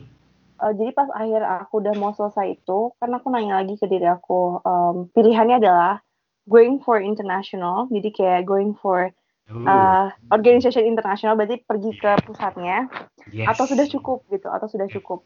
Nah saat itu aku mendefine cukupnya tuh apa sih yang dimaksud dengan cukup gitu kan? Kadang kan kita harus tahu cukup kita tuh seperti apa gitu kan? Yep. Gitu. Terus habis itu uh, saat itu aku saat itu akhirnya uh, jawabannya adalah cukup, sudah anak cukup. Jadi yes. sudah tujuh sudah tujuh tahun sudah sudah anak sudah wow. sudah banyak yang ya itu sudah banyak yang kamu dapat dan kamu lakukan. Dan hmm. makanya aku bilang kan Indonesia is calling Indonesia is calling gitu. Jadi kayak bukan international calling tapi Indonesia is calling gitu. Jadi kayak menurut aku oke okay, Ana is is enough it's time for Indonesia. Jadi intinya uh, saatnya kamu balik ke Indonesia intinya kayak gitu. Dan hmm. ketika itu um, ketika itu aku kalau aku sebenarnya alhamdulillah mungkin bersyukur aku bersyukur banget aku tidak mengalami namanya post power syndrome ah, jadi nggak yes, mengalami yes, yes, yes. Hmm, I mean. jadi aku ya jadi aku nggak mengalami post power post power syndrome yang memang banyak teman aku juga alami kan terutama ketika mereka udah di level yang paling tinggi misalnya level yang kayak internasional atau level jadi uh, international international team gitu kan Nah, sedangkan aku alhamdulillahnya tuh aku nggak punya kesempatan untuk itu. Kenapa? Karena uh, aku selesai di Malaysia tuh uh, Juli akhir. Okay. Terus habis itu Agustus aku udah langsung masuk kuliah. Pas aku masuk kuliah well, udah okay. orientasi, okay. udah kan udah kayak, aduh aku, aku harus pindah kan barang-barang gitu oh, ke Lampung dulu, habis itu pindah ke Bandung, habis itu baru kayak udah masuk apa namanya kalau kayak mos gitu apa sih namanya yeah, kalau uh, di ya, ya gitu kayak apa namanya ya uh, mahasiswa mahasiswa baru lah itulah tentang ini tentang itu terus kayak aduh uh, aku nggak punya time dia benar nggak nggak ada kesempatan sama sekali untuk galau-galauan dan post post syndrome saat itu. Hmm. dan aku kayak langsung diposisikan tuh langsung nggak tau aku bersyukur langsung diposisikan tuh selesai uh, langsung belajar gitu masuk masuk kelas gitu. Jadi udah langsung ganti aja posisinya. Langsung ganti sama posisi untuk ini. Nah cuman challenge-nya adalah ternyata aku memang tidak mengalami post post syndrome kayak teman-teman aku yang um, apa namanya misalkan dia baru masuk ke satu corporate nih dan dia merasa kapasitas dia tinggi tapi ternyata salarinya sedikit kayak gitu gitu loh. Jadi kayak there's so many gap dan they think oh it doesn't work kayak gitu gitu nah aku nggak aku nggak mengalami challenge itu tapi aku mengalami challenge lain di mana ternyata work ethic sebenarnya. Kan ah. kalau di organisasi kita kan kerjanya cepat ya tet tet tet gitu ya. Dan aku harus dihadapkan dengan beberapa tugas dengan orang-orang yang memang bukan dari organisasi Nah, ah, adjustment aku, challenge aku di situ sebenarnya. Challenge aku di mana kayak um, dan aku nggak bisa kan kalau dulu kan kalau di organisasi oke okay, you hate me is fine as long as project is okay and done. It's achieved. It's okay you hate me one day you gonna love me. Kayak yeah. gue selalu bilang kayak gitu kan. It's okay you can hate me now but one day two like two or three years you gonna you gonna love me because what I'm doing to you gitu. Tapi kalau sekarang tapi kalau sekarang tuh gak bisa kan? Oh, yeah. Iya. gue yang butuh gitu kan kayak aku nggak ngerti ini apa terus seperti apa. Jadi challenge aku tuh di situ. Jadi akhirnya uh, semester pertama tuh aku mulai ini observing dulu orang-orangnya kayak gimana. Karena kan mereka non organisasi itu kan dan aku tuh baru pulang dan baru pulang tuh yang kayak semua project tuh kelar kayak gitu-gitu loh. Jadi kayak achievement Hmm. achievement. Sedangkan nih kayak gila rapat aja kayak ngomongnya gitu kalau kalau pas meeting kan kita pasti punya goals. Terus habis itu punya ini Yes. punya ini punya ini. Check in Terus check itu out harus ya. ada uh, check in check out dan lain-lain. Dan itu clear gitu. Gue pernah ketika datang ke rapatnya anak-anak dia ngerjain tugas ngerjain tugas gitu tapi ada rapatnya gitu lah. Karena kita mau Oke. ada observasi ke sekolah dan lain-lain. Yes, itu gue duduk di situ gue pulang-pulang nangis. Nangis karena kayak nggak jelas. iya, Eh, karena. Nah, karena gue kayak oh my god I wasting my my time. Ini gue nangis karena kayak terus meetingnya hasilnya apa gitu. Terus abis Oh. itu akhirnya akhirnya Hmm. akhirnya tau nggak next week gue take over dong Oh, tapi gue izin dulu kan karena karena Iya. mahasiswanya kebanyakan ibu-ibu. Terus habis itu yang masih Oke. ya mix lah mix gitu kan. Kalau S2 kan mix kan ada yang ibu-ibu ada yang udah akang-akang ada yang masih muda banget. Jadi kayak akhirnya gue izin untuk take over. Paling nggak at least uh, itu sih gue punya referensi buat mereka. Nah waktu gue nangis itu di pikiran gue cuman oh ini lo harus adaptasi satu. Yang kedua adalah you have to take an action gitu loh menurut gue. Jadi gue selalu punya punya mindset di bayangan gue adalah uh, either you are part of problem or you are part of solution. There is nothing in between. Oh, that's deep. Ya ya ya ya ya. Ya. that's deep. Kalau kalau lu nggak ngomong ya itu kan jadi problem terus kan. Dan ini nggak akan kelar gitu. Karena nggak ada yang berani ngomong juga gitu. Dan itu karena mereka kan karena mereka kayak segan lah mungkin ya. Terus habis itu mereka juga baru kan kita juga masih awal-awal kan.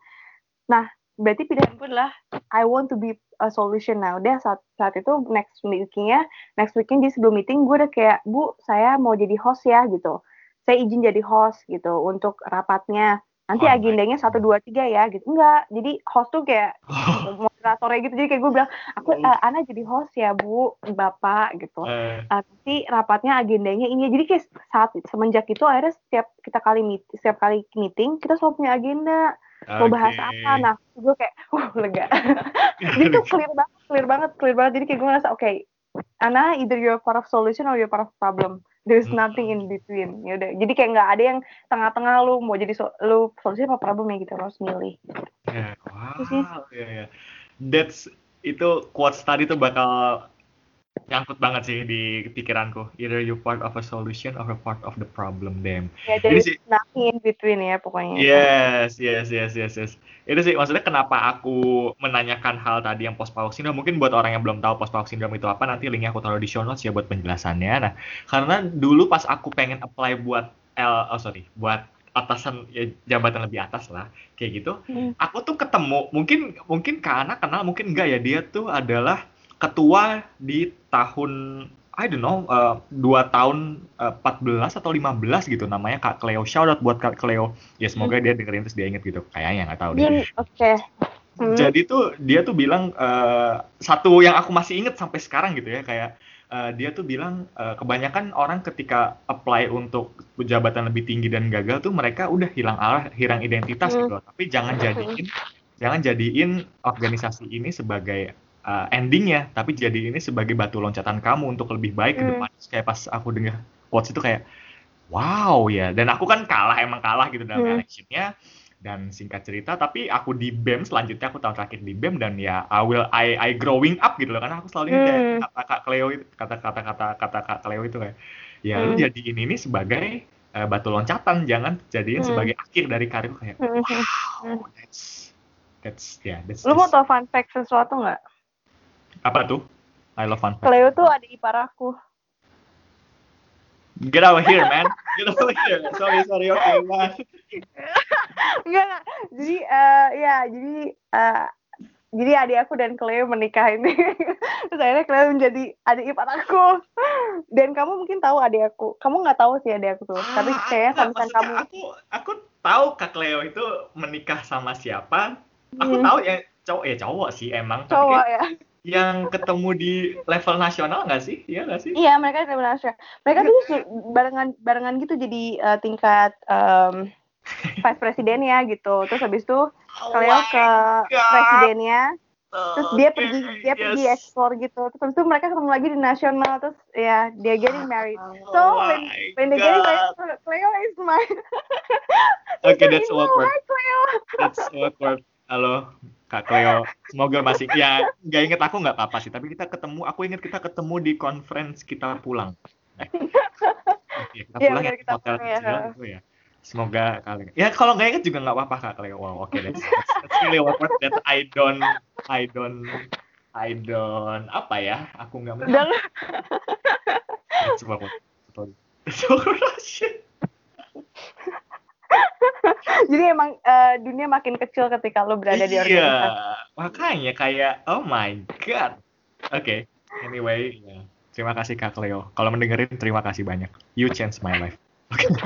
Oh, I will tell Cleo. Oh my god. Oke, I hope she still un- she still remember me. I hope. Tapi kalau nggak ingat juga nggak apa-apa. That's fine. Oke Mbak, penasaran ada ada ada.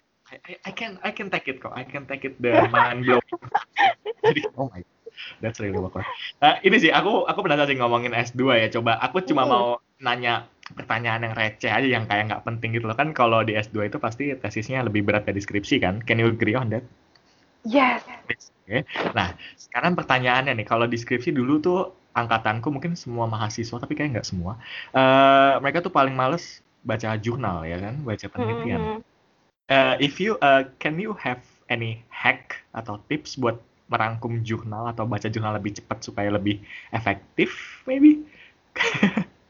Oke, aku punya, aku pernah ngasih eh, salah satu mahasiswa aku tipsnya ini kan. Jadi setiap Jumat tuh kita ada kayak kelas gitu, kelas Oh. di luar kelas. Jadi keluar, tapi lebih ke soft skill kayak gitu-gitu kan.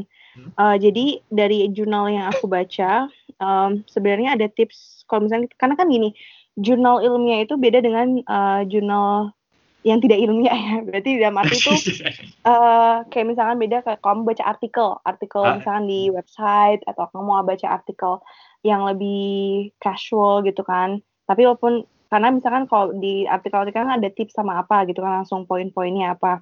Nah, kalau di sini itu eh, yang aku pernah kasih ke mahasiswa aku gimana caranya baca jurnal ilmiah. Hmm. Jadi kan scientific itu jadi dari jurnal yang aku baca. Jadi jadi aku baca jurnal yang mem- membahas tentang itu.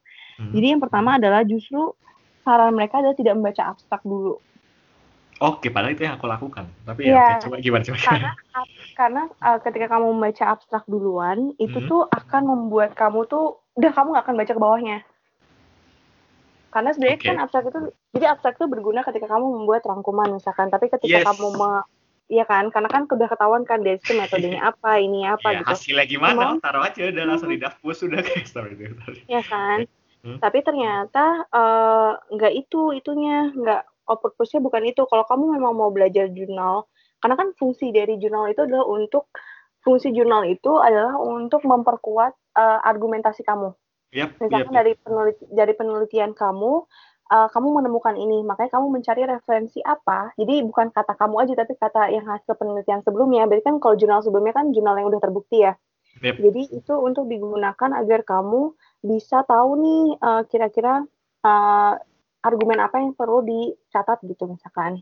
Hmm. Nah, Jadi eh, kalau misalkan dari yang reading science reading scientific paper itu sebenarnya em, sebenarnya satu yang pertama adalah yang harus kita tekanin itu kalau di sini ya. Jadi mereka punya kayak 10 langkah gitu deh. Jadi langkah pertama itu sebenarnya jangan baca abstrak tapi baca introduction-nya dulu. Oke. Nah, habis itu setelah kamu membaca introduction-nya, kamu harus identifikasi pertanyaan terbesar dalam artikelnya apa. Jadi Hipotesisnya. pertanyaannya adalah, "Mm-mm, Oke. eh, kita kita bisa kan kalau di jurnal dia nggak ada hipotesis, tapi dia oh langsung iya langsung ya.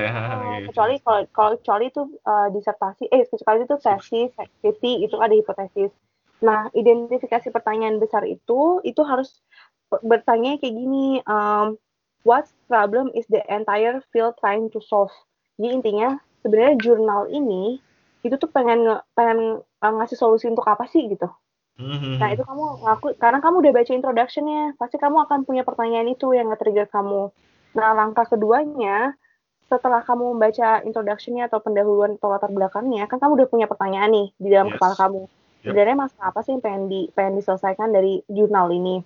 Nah, setelah itu kamu buat rangkuman, eh, buatlah rangkuman eh, lima kalimat dari latar belakang itu. Hmm. Why itu. so? karena itu akan membantu kamu untuk menjawab pertanyaan kamu tadi what problem is the entire field trying to solve itu Nanti dari situ, ini bisa, aku juga lagi mengimplementasikan ini kan, karena ini lebih cepat ternyata.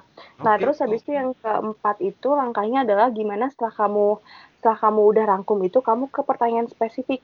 Nah, pertanyaan spesifik itu Hmm. biasanya di pertanyaan penulisnya. Mhm. Biasanya kalau di jurnal itu kan uh, penulis punya pertanyaan-pertanyaan gitu kan. Yep. Kayak misalkan um, uh, tujuan dari jurnal ini tuh untuk apa gitu. Mungkin examine, menguji atau dia mau melihat atau dia atau dia membandingkan kan banyak kan kayak gitu. Nah, Hmm. tadi setelah itu kamu identifikasi pertanyaan dari penulis itu apa. Karena nanti dia akan terlihat di tujuan biasanya. Terus Hmm. uh, terus langkah berikutnya tuh ini tinggal baca aja hasil penelitian jadi di finding and discussion-nya. Yes. Jadi kayak uh, ya semua Bisa. semua penelitiannya apa, habis itu uh, findingnya seperti apa. Nah baru ternyata baca metodenya dulu. Jadi kebalik. Oke. Oh, oke. Padahal metode kan duluan ya. Ah. Apa result and discussion kan di Oh, akhir biasanya ya. Ya di Oh, akhir. Oke, Nah ternyata oke, itu harus oke. di switch dulu. Kenapa di switch kayak gitu? Karena sebenarnya ketika kamu sudah membaca hasil dan findingnya, kamu bisa mengcompare dengan metodenya. Ketika dia bisa meng- menggunakan metode kualitatif, Oh, kuantitatif, yes. mixed method, R&D, uh, SSR, itu kan bisa kelihatan tuh dia dia benar nggak sih gitu. Karena jurnal itu um, tadi kan argumen-argumen apa yang pengen kamu cari tahu dari situ. Nah yang te- yang berikutnya lagi eh, ini tinggal tanya eh, tinggal mengidentifikasi aja ya pendekatannya. Kan tadi lagi ngomongin metode ya. Tinggal lihat aja pendekatannya apa approach yang mereka pakai itu apa pendekatannya. Ini bisa membantu kamu untuk bisa lebih tahu lagi gitu. Jadi baca jurnal tuh kayak kamu baca eh, apa ya semua isi tesis gitu. Tapi dengan langkah-langkah itu nah yang terakhir adalah baca, baru baca kesimpulan. Nah Oh kesimpulan kan my god, oke. ya ada ada kayak triknya gitu. Sama Mhm. baru baru setelah kamu udah baca semuanya poin semuanya baru kamu ke abstrak. Nah itulah yang terakhir eh, yang bisa kamu validasi. Sebenarnya abstrak itu menjawab nggak sih isi dari eh, ininya isi dari tulisannya gitu itu sih kalau dari yang aku udah sampein ke mahasiswa aku dan itu juga dari jurnal. Jadi kayak beberapa jurnal yang dirangkum gitu sama aku uh, sama mahasiswa aku untuk melihat bagaimana sih kita belajar efektif. Karena sebenarnya kenapa orang pada malas baca jurnal? Karena um, ya karena satu satu satu bahasa bahasa Inggris. Kebanyakan jurnal kan memang yang sensitif itu bahasa Inggris kan. Ya nggak semua orang punya kompetensi untuk bisa membaca bahasa Inggris tapi dengan punya punya tips dan trik ini itu akan membantu kamu banget kan untuk tahu sebenarnya gimana membaca jurnal yang baik. Nah, kalau kita udah baca abstrak aja, biasanya kita akan jadi males baca berikutnya. Akhirnya pengetahuan Eh. kita sampai di abstrak aja. Sedangkan abstrak itu kan kayak sekilas latar belakang, terus habis itu metode yang dipakai, subjeknya, uh, finding. Findingnya paling cuma kayak efektif.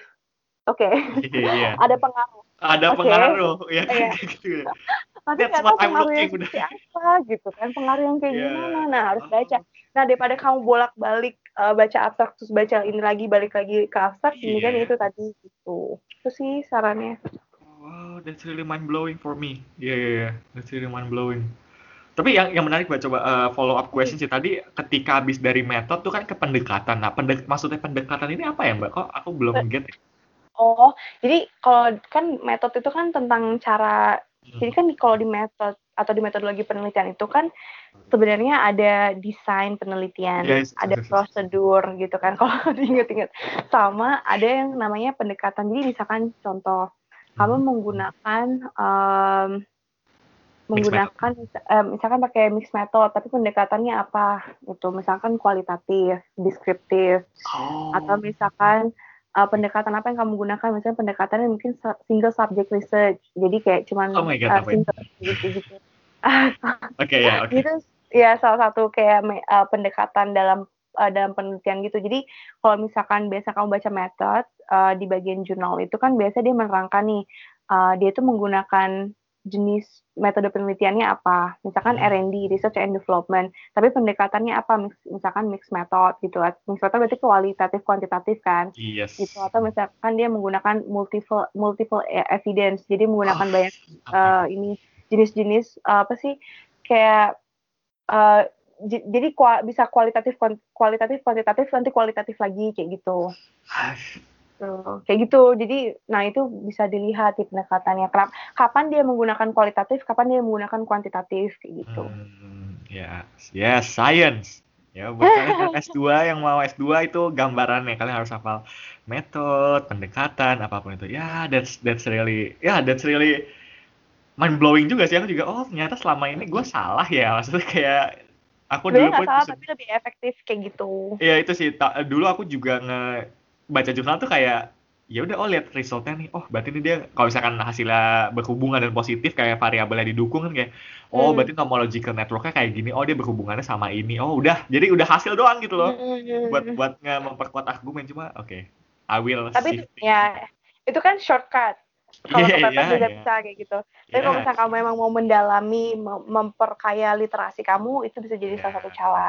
Ya, apalagi buat yang mau S2 ya harus Ya. memperkaya, harus memperdalam jangan cuma kulitnya doang nah, ini menarik juga jadi ngomongin eh, Teh Ana ngomong apa eh, ngasih pendidik ngasih pendidikan ngasih pembelajaran atau tips and trik ke siswa dan aku juga baru nge juga kalau dulu kan jabatan Teh Ana sebagai di organisasi itu kan nasional yang membawahi beberapa orang gitu kan membawa iya.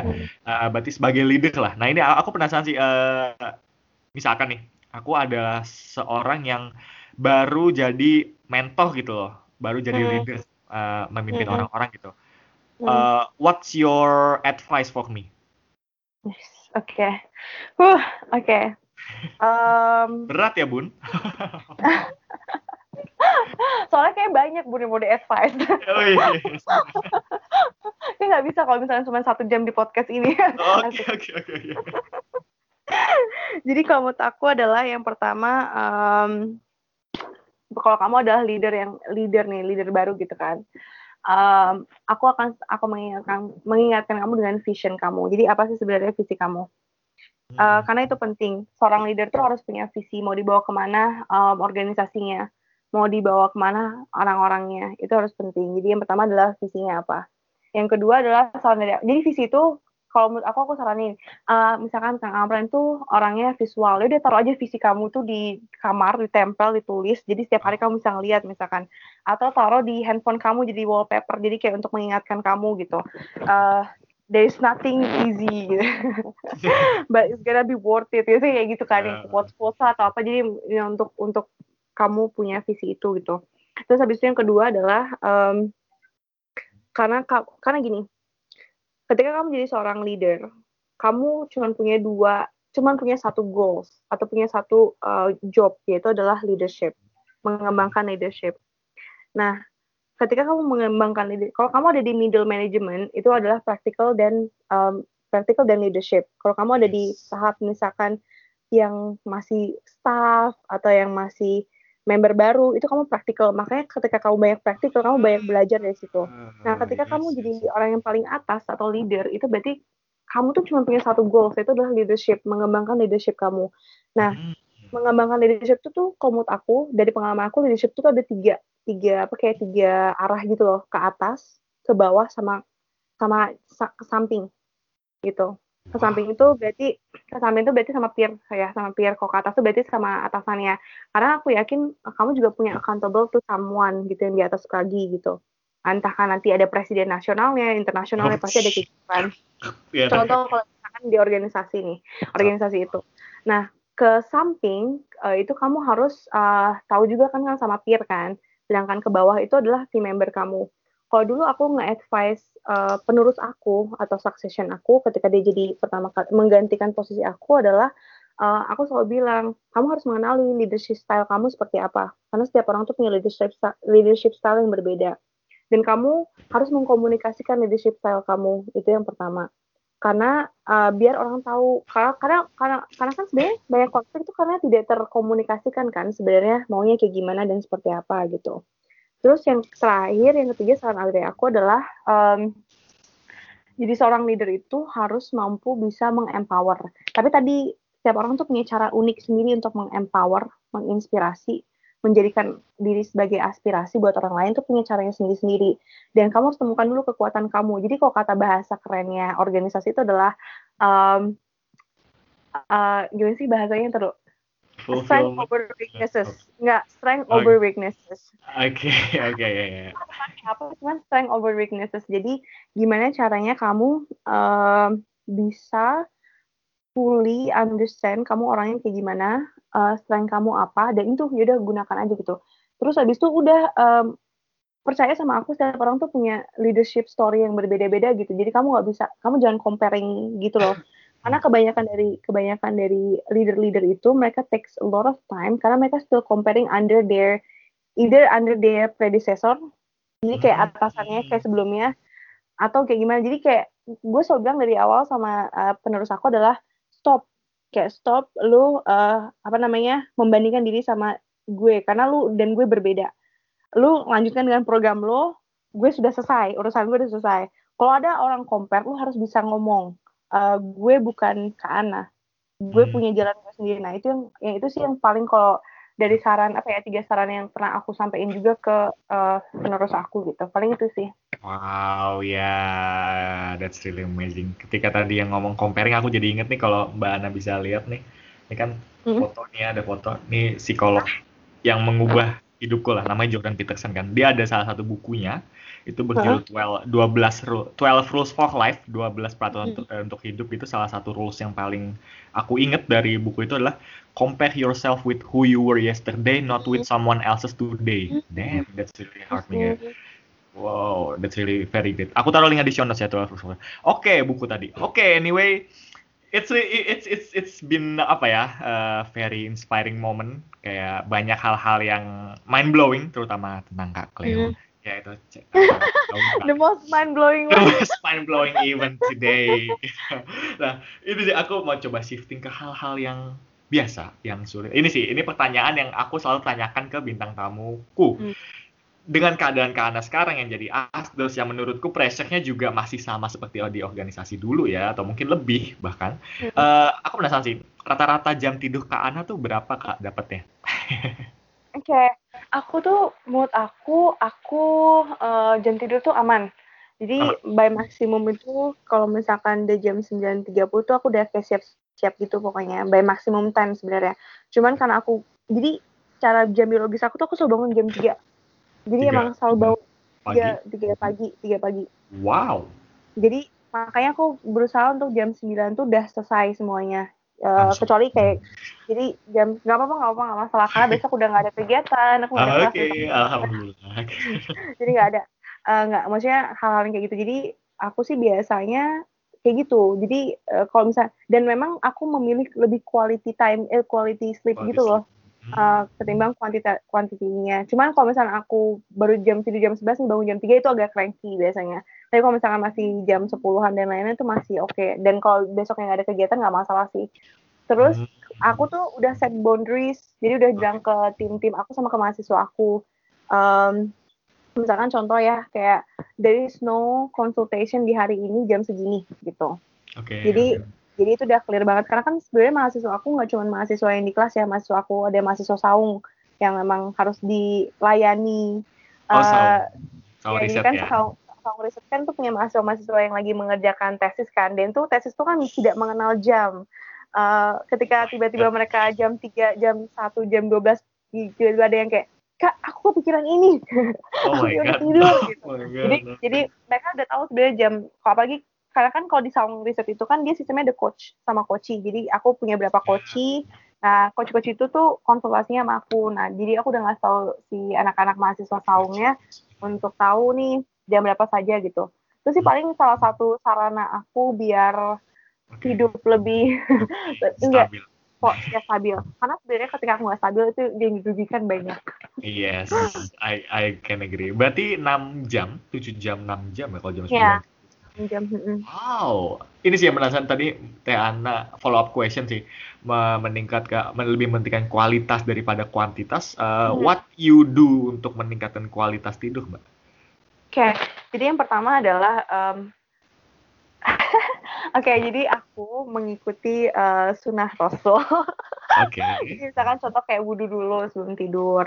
Terus Oke. habis itu kayak aku baca doa dulu. Terus habis itu sama aku eh, refleksi dulu sih sebenarnya. Jadi kayak da, itu yang pertama. Terus habis itu yang kedua adalah biasanya aku 30 menit sebelum aku tidur tuh udah off eh, handphone. gadget. Jadi aku eh, gadget. Jadi aku benar-benar udah off dan off itu benar-benar aku offin gitu loh. Hmm. internetnya aku matiin terus habis itu aku offin. Terus habis itu aku biasa masukin ke dalam lemari. Jadi aku kayak nggak punya waktu buat ini lagi gitu. Ya, Eh, nggak saya nyari nyari nyari gitu. Terus habis itu yang kedua adalah eh, ini sih lebih ke matiin lampu. Jadi memposisikan aja eh, Hmm. ini ya apa namanya? Ruangan tidurnya nyaman gitu. Ya, oke oke, that's that's really simple ya. Karena aku Ya, juga simple banget. maksudnya kalau aku nggak tahu ya Tiana memandangnya gimana, cuma kalau aku sebagai yang usia sekarang nih kayak untuk tidur 8 jam tuh kayak sayang banget gitu loh. I can do more productive uh, things Hmm. than sleep gitu loh. Tapi ya aku ngeset boundary sih 7 jam ya. Ya 7 jam, Mhm. 6 jam, 7 jam gitu loh. Cuma ya itu sih karena aku mungkin quality quality sleepku sih yang enggak yang enggak bener kadang-kadang jadi cranky juga pas bangun kayak aduh 7 jam lagi Hmm. kelamaan kayak nyesel gitu mending 4 jam tapi 5 jam tapi optimal kayak sama, gitu. Hmm. Sama ini sih sebenarnya bangun tidur juga mempengaruhi kualitas bangun tidur. Jadi biasanya kan kalau dulu kenapa aku sering apa namanya kayak tadi cranky atau lebih lebih itu kan karena gadget kan. Jadi Ah, iya benar-benar setelah bangun tidur pun aku kayak satu jam tuh aku saat nggak pegang gadget. Jadi Yes. by- karena aku karena jam biologis aku bangunnya jam 3. Berarti aku mulai bisa mulai bisa set uh, baru, baru bisa megang handphone dan mulai buka-buka itu karena kan habis itu zuzut langsung masuk semua kan gitu Yeah. itu jam 4 jam 4 setengah lima itu jadi Oh. kayak pas in between nunggu subuh habis subuh itu udah aku udah mulai oh aktif lagi tapi setelah itu enggak Oh, wow. Tap, oh, berarti Teana tuh jam. bangun jam 3 itu tanpa alarm. iya karena udah dari Wow. udah udah kayak biologis Iya, pengondisian dulu kali ya, Ah, karena kesibukan. Just kidding guys. Nggak, nggak, nggak seserem itu ke organisasi itu. Nggak tahu deh. enggak enggak kok Nggak ya, nggak ya, oke. Enggak. Oke, sorry. Sorry, nggak itu bercanda. Oke, tadi dari habitnya itu tidur. Tidur udah optimal 6 jam. Nah, apakah ada daily habit lain yang Mbak Ana lakukan untuk stay stable? Stay stable? Stabil. Hmm, oke jadi nomor satu nomor satu tuh pasti tidur karena menurut aku ketika aku nggak tidur Iya, iya, iya. malah aku bisa cranky dan aku kayak bisa emosional gitu Eh, terus jadi eh, another habit itu aku olahraga itu pas Ah, kayak olahraga Daily, daily. eh, jadi aku daily ya jadi emang olahraga mandiri aja di rumah jadi dengan jadi aku lagi lagi lagi nge- nyelesain si BBG jadi BBG itu body body goal something gitu deh pokoknya Eh, bikini body, goal goals. Let's Iya, go. kayak like Oke, gitu. good luck. itu ya jadi kayak mereka programnya 12 week gitu kan jadi kayak aku rutin aja lah itu gitu tapi mereka selang-seling jadi misalkan hari ini exercise besok uh, rest habis exercise kayak gitu gitu Ah, oke. jadi aku ngikutin aja pola mereka satu itu yang bisa yang aku lagi yang aku sudah jalani terus yang kedua adalah ini sih uh, buat aku lebih stabil itu um, aku ini punya apa namanya kayak harus smoothies gitu loh green smoothies gitu Dream smoothies. Oh, minuman, minuman. minuman ha. jadi kayak aku Oke, punya green smoothies aku jadi kalau morning aku Wow. minum itu green smoothies gitu kalau pokoknya terus udah sama terakhir adalah ini em, aku kan fasting ya. Jadi kayak fasting itu membantu aku untuk lebih uh, produktif satu lebih sabar gitu. Jadi lebih sabar. Lebih sabar. Gitu, lebih- Oke. jadi for information aku tuh uh, udah practice Daud Daud fasting. Wow, that's cool. Oke. ya jadi it's been already like four years gitu. Jadi um, jadi makanya itu lebih ngejaga aku kan mood aku juga lebih terjaga lagi gitu jadi kok oh, udah mau emosi ah, sabar sabar sabar Sabar, sabar, Jangan sabar. nangis. sabar. gitu dan Oke, itu oke, sih oke. itu sih uh, habit-habit yang aku lakukan Oh, sama wow. sama, sama sih Kang Amran jadi aku nggak pernah set um, kalau aku mau set konsultasi diskusi Hmm. itu selalu di atas jam 12 jadi kalau pagi itu selalu punya per- pagi itu personal time aku yang tugas apa yang aku harus uh, selesaikan kayak gitu gitu Yes. Tuh, Oh, sih. jam 12 siang ya, setelah jam 12 siang ya.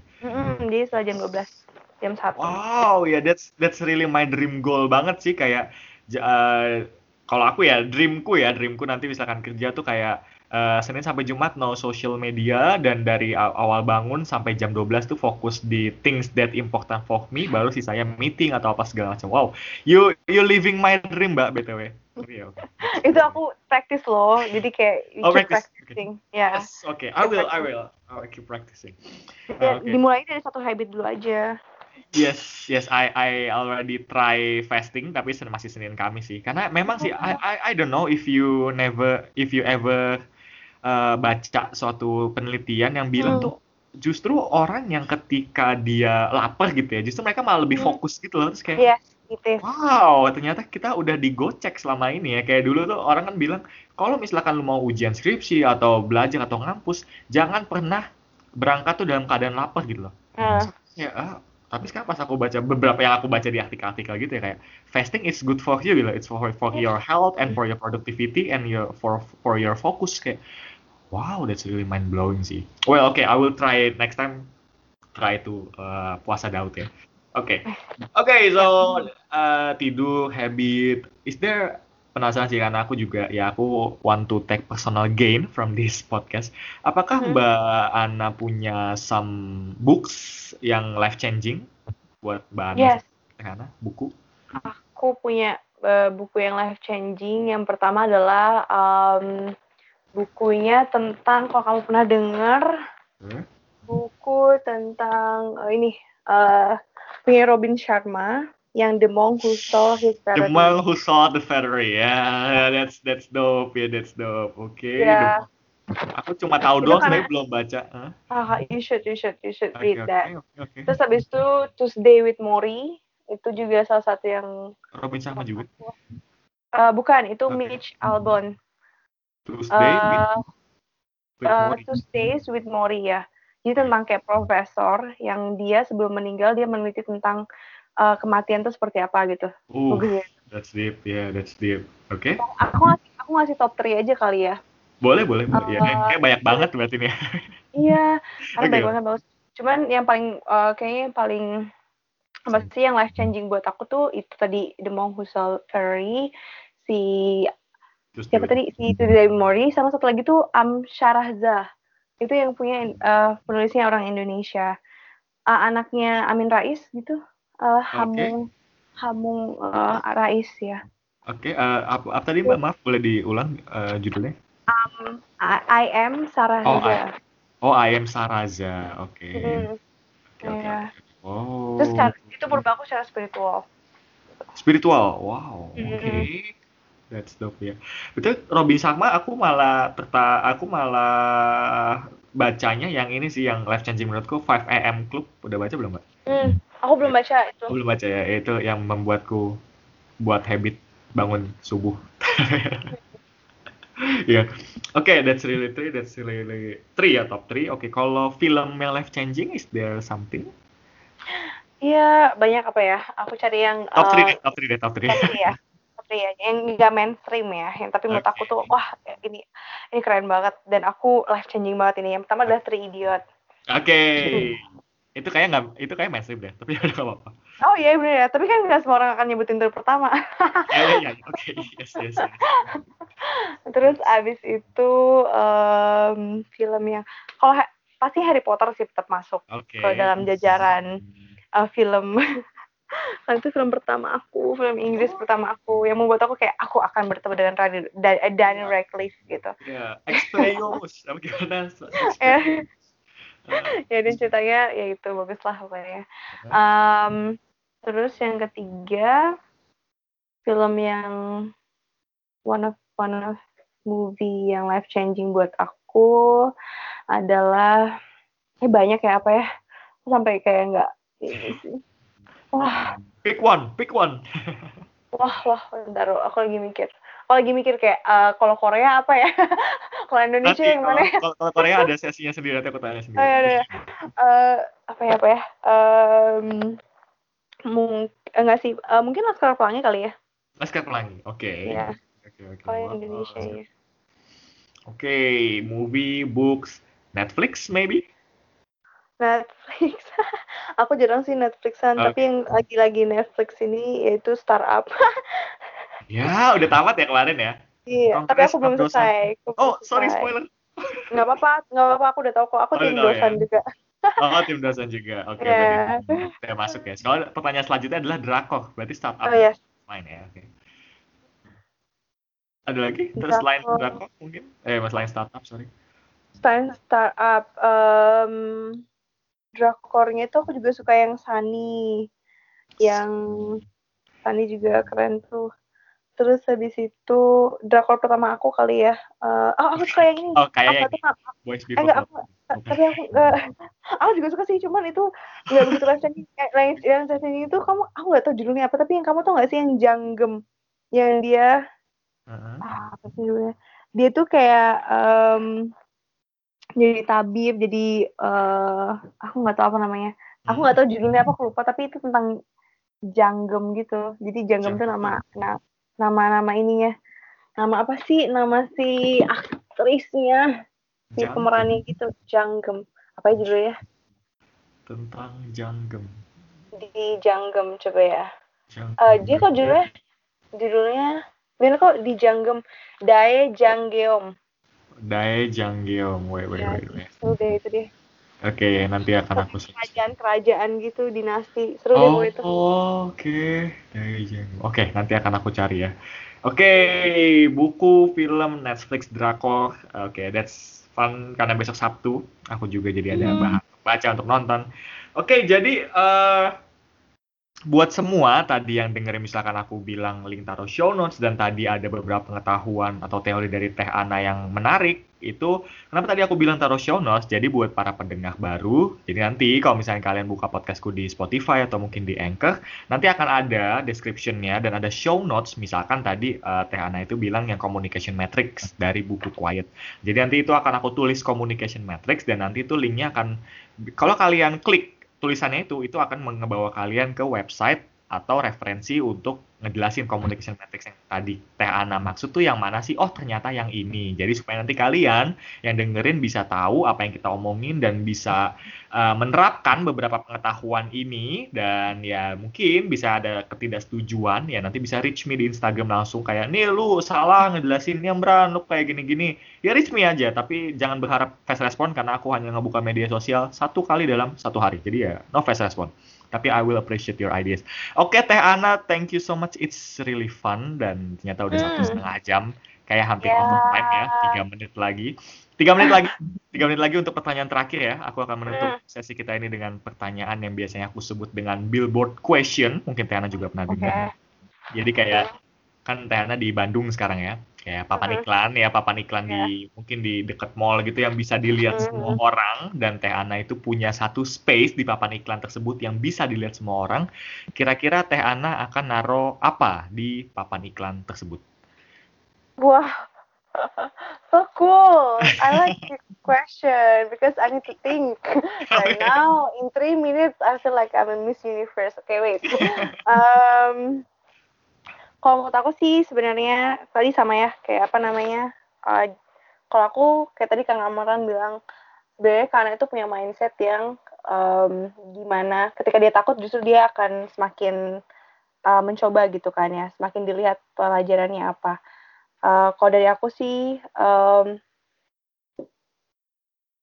gimana caranya jadi kalau di billboard aku itu uh, akan ada gambar jadi gambar itu yang membuat aku ini gambar aku ketika aku takut sebenarnya Hmm. kalau aku udah takut aku pasti punya bayangan gambar ini jadi uh, pernah tahu nggak sih kayak gambar bulat-bulat bulat gitu bulat-bulat tentang uh, comfort zone Ah, yes, Kebayang yes, nggak? yes, yes. Ya, kebayang, kebayang. Hah? Eh, paling aku mau ngingetin lagi sih ke apa namanya si si apa namanya bulatan itu. Jadi kan ada teori namanya the comfort zone ya. Nah Yes. jadi comfort zone itu eh, kemudian ada fear zone. Setelah di fear zone itu ada learning zone. Setelah di learning zone itu ada growth zone. Nah aku akan tulis di billboard aku tuh adalah where are you now? And where are you heading to? Udah gitu aja. The comfort zone, the apa tadi the comfort zone terus? fear The zone learning fear zone, zone sama- growth learning zone oh. Nih, aku nanti aku kasih fotonya ya. Itu nanti ada gambar di billboardnya. Okay, wow, that's really cool. And that's how you end the episode. That's really great closing. Thank you so much Teh Ana uh, Thank atas you. wisdom, atas gem-gemnya. I I truly believe this is one of the best episode I've ever had karena Uh, karena men-challenge men-challenge pemikiranku dan ya it's somehow di jam segini tuh bukannya malah ngantuk malah ketika dengerin ini kayak oke motivation uh, motivasi internal aku kayak keisi lagi kayak oke what can I do best next? Oke. So ya tanpa lama-lama lagi karena abis ini fun fact uh, Teh Ana mau ada konsultasi guys jadi aku harus cepat closing. So Yes. yes uh, thank you so much Teh Ana. Dan buat para pendengar I hope you love the show I hope you enjoy the show. So see you in the next episode. Bye bye Bye. Thank you, thank you. Terima kasih telah mendengarkan episode ini. Jika kamu suka dengan apa yang kamu dengarkan, tolong pertimbangkan untuk memberikan 5 bintang. Jika kamu tidak suka, tolong tulis kritik kamu di kolom komentar ketimbang memberikan jumlah bintang yang sedikit.